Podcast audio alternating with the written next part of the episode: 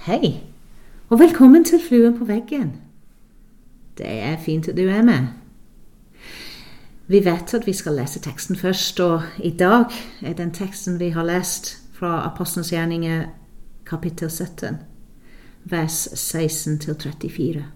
Jeg må bare si at det er en av mine favorittekster, men jeg skal ikke legge ut om det. Jeg har fått med meg veldig hyggelig besøk her. Jeg har med meg Steve.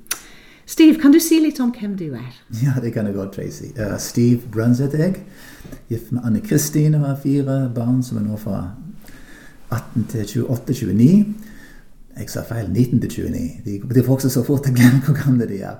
Jeg um, kom til Norge fra USA i uh, 1981, så jeg vet det i 40 år. Og nå i for to uker siden ble jeg faktisk uh, norsk statsborger og med et norsk pass. Så nå er jeg skikkelig nordmann. Gratulerer. Selv om jeg også snakker litt gebroken sånn som deg, Tracy. Det hører vi ikke helt ekte sidiser. Men uh, jeg føler meg ganske norsk for det. Og jeg uh, er med å lede et menighetsnettverk som heter Agenda 1. Og vi begynte i Norge for 11 år siden, og nå jobber vi med menigheter i 20 land over hele kloden. Der vi hjelper hverandre til å nå ut og nå flere mennesker med evangeliet. Ja. Men jeg har utfordret deg med den teksten. Mm. Og du har sikkert gjort deg noen tanker. Hva var det du stoppet opp med når du leste den? For det første, takk for at du inviterte akkurat meg til å kommentere den teksten som du liker så veldig godt. For jeg har lest den før. Lest, jeg kjenner til teksten, men eh, når du ba meg om å kommentere det, så leste det litt med inngående og fikk, fikk faktisk enda flere tanker og spennende ideer på dette. her. Så det er veldig gøy å sette meg inn i denne historien her. Og Det handler jo om Paulus som kommer til Aten, som var en av den, altså, verdens på den tid største og mest um, ja, en, en, en, en, veldig viktig by i, uh, i, verden. Og han kom der, og um, det som slo meg mest, er hvordan han klarer å møte disse grekerne på deres egen, egen banehalvdel. Ikke sant? Ja. Fordi han kom inn da, og um, begynner å vandre rundt. Jeg tenker meg Han så disse svære, flotte bygninger som fortsatt står der, sånn på Akropolis og Panthenon og de disse bygningene og templene. Og uh, Istedenfor å være en turist og bare tenke vakre bygninger, så står det at han ble hva var det, så han ble rystet da han så disse der. Uh, rystet i sitt innerste pga. alle avgudsdyrkelse han så der. Ja. For han jo opptatt av å, å, å kjenne den ene sanne Gud. Og uh, det at andre ikke så det, det, det, det, beveger han. Han ble sikkert både sint og opprørt. Og så, hvordan kan de gjøre dette her? Ja. Men, men, det som skjedde, var at istedenfor å, å bare kritisere eller å, å, å, fordømme dem, han valgte å gå inn i deres egen kultur. Paulus var veldig opptatt av å, å, dele evangeliet om Jesus. Det var alt han, han, han gjorde. Han brente for. Han var en misjonær. Og hans eh, største visjon da hele tida var hvordan kan disse menneskene få tak i de gode nyhetene om Jesus. Ja. Så istedenfor å dømme dem, han valgte å gå inn og prøve å forstå dem og finne gull i deres, i deres kultur. Um, og uh, det han da Vi leser da først at han uh, blir rystet, og så han går inn i samtaler. Men så blir han invitert oppe på um, Areopagos for å snakke med lederne i samfunnet der. Ja. Og det står at de elsket å diskutere og så opp med siste nyheter, hva som skjer. Så da han kommer dit og, og begynner å snakke med dem, så velger han og Han starter på en måte med å anerkjenne dem. Um, nesten overraskende, men han sier at, sant, at, at, at dere er svært religiøse menn. Som en slags en positiv ting å bli. Ja. Så han valgte å, å, å, finne gull i det de hadde, og starte med det. Det er klart De åpner opp for samtaler, og de hørte kanskje mer, på enn hvis han bare kom og snakket om all den elendige avgudsdyrkelsen dere holder på med her. Og slutt med dette her. Og så I den samtalen da, er det veldig interessant, for han, han, bruker, han finner tilknytningspunkt de har. Ja. Um, han snakket med en alteret for en ukjent gud. Og da, når han gjør det, så går han inn um, Jeg tenker oppdager han sikkert det som, som de hadde som en, en egen lengsel etter å oppdage sannheten. For de skjønte sikkert at alle disse gudene de hadde lagt, eh, ikke var hele sannheten. Ja. Så for å på en måte sikre seg De hadde det her, den ukjente guden. Så Paulus tar det. altså, ok, men her har vi noe felles. Um, dere tilber en gud som dere ikke kjenner. Og jeg tilber faktisk akkurat samme guden, men jeg kjenner han. Ja. Og så går han inn i en samtale og forteller om denne guden, som er overalt og alle, som har skapt hele verden, som har skapt dem. Som ikke kan puttes inn i et tempel eller et hus som mennesker bygger. Og dette hører de, og det, det, dette skjønner de. Ja. Og de er veldig interessert i, i, i mer hva han har å si. Og han sier at ikke bare skapte verden, men han skapte også alle folkeslag ut ifra ett menneske.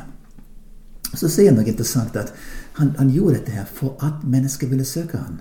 Ja. At Gud har lagt ned en lengsel i alle mennesker. Gjennom skaperverket. Gjennom bare i, i det mennesket er en lengsel etter å komme i kontakt med sin skaper. Med Gud, med den, den sannheten som er der ute. Ikke sant. Ja, Så det er veldig interessant å se hvordan han går her. Så um, En annen ting han gjør, er at han setter seg selv i samme bås med dem. Han kommer inn, han snakker om oss, ikke om dere. Og han dette fantastiske verset i vers 28, han sier at um, for det er i ham vi lever, beveger oss og er til. Altså, vi er til. Vi beveger oss. Altså, det, det er i Gud, denne, denne ukjente Guden som jeg kjenner. Her er vi alle sammen.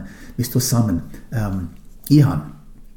Og så også, uh, for å det enda mer altså kulturelt relevant, han sier som også noen av deres diktere har sagt, for vi er hans slekt. Så nå var de med i samtalen, og jeg tenker meg de var sikkert begeistra og interessert. Og da, først da valgte Paulus å virkelig utfordre dem. Mm. Og da sier han at uh, Men vi, altså alle vi, må vende om. Sånn at Gud har gjort denne her. Fordi det kommer en dom, um, og alle vil stå må, må, stå, må stå til rette overfor Gud en dag. Og da uh, tar det enda videre og sier at det er en mann som skal ha dom, og det er han Jesus, som sto opp fra de døde. Og da da, da skjer det. Da uh, begynner noen å le, noen å håne han, noen snur ryggen og sier dette er bare tull. Mennesker kan ikke stå opp for de døde. Men noen velger å ta imot dette budskapet. Ja.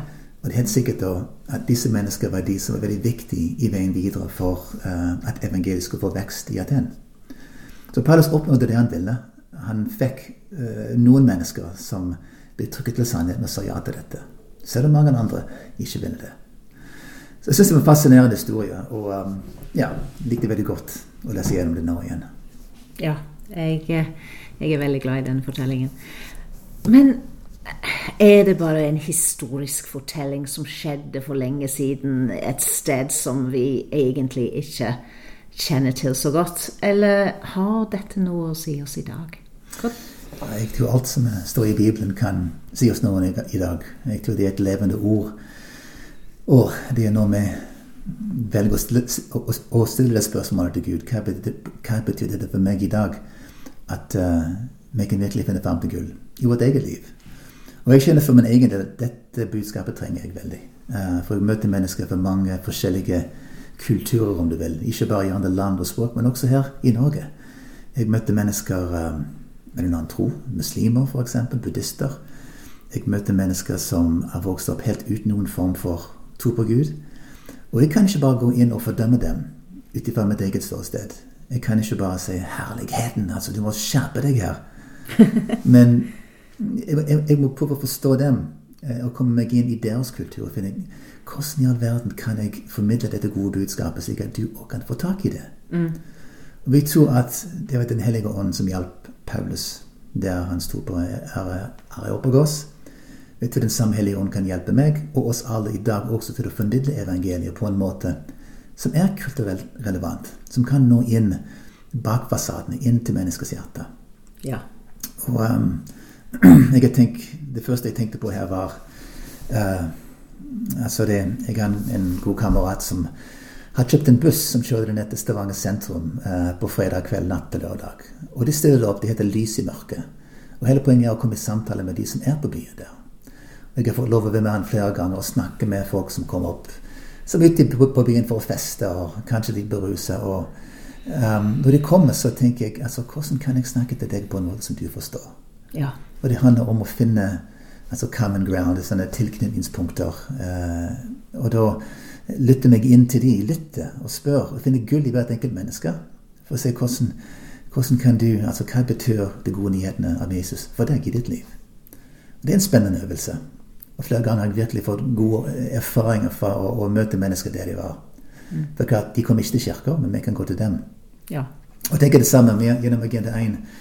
Så jobber vi som sagt med, med menighetsledere fra 20 land. Masse forskjellige altså kulturer. Både i Asia, Afrika, Nord-Amerika og i, her i Norge. Og hver gang må jeg tenke hvordan kan vi formidle budskapet på en måte som du kan både forstå det og ta imot det og gi det videre. Så jeg tenker at jeg har lært flere ting fra denne samtalen Paulus hadde med grekerne der om hvordan jeg kan gjøre det samme, og hvordan vi kan gjøre det samme. For jeg tenker at alle vi som tror på Jesus, alle vi som har fått tak i, i sannheten her, har et kall å dele det videre med andre. Ikke bare for oss sjøl. Men vi kan ikke bare alltid se det sånn som det er. Eh, vi må alltid søke hvordan kan vi formidle det på en måte som vil gå inn hos den enkelte. Ikke sant. Og det er det jeg liker så godt med denne fortellingen. At han tar seg tid. Han ser seg rundt. Han lytter seg inn. Og så anerkjenner han. Før han i det hele tatt begynner å komme med det han egentlig brenner for. Ja. Så kanskje vi skulle gjøre det samme. Kanskje vi skal ta oss tid til å se oss omkring. Hva er det norske samfunnet i dag? Hva er folk opptatt av? Kanskje vi skal ta oss tid til å lytte oss inn? Kanskje vi skal ta oss tid til å være sammen med folk før vi deler med dem det vi brenner for, og det som er verdens viktigste nyhet. Jeg håper at du som hører på, har fått noen tanker i dag. Takk, Stiv, for at du delte dine tanker. Det var en glede.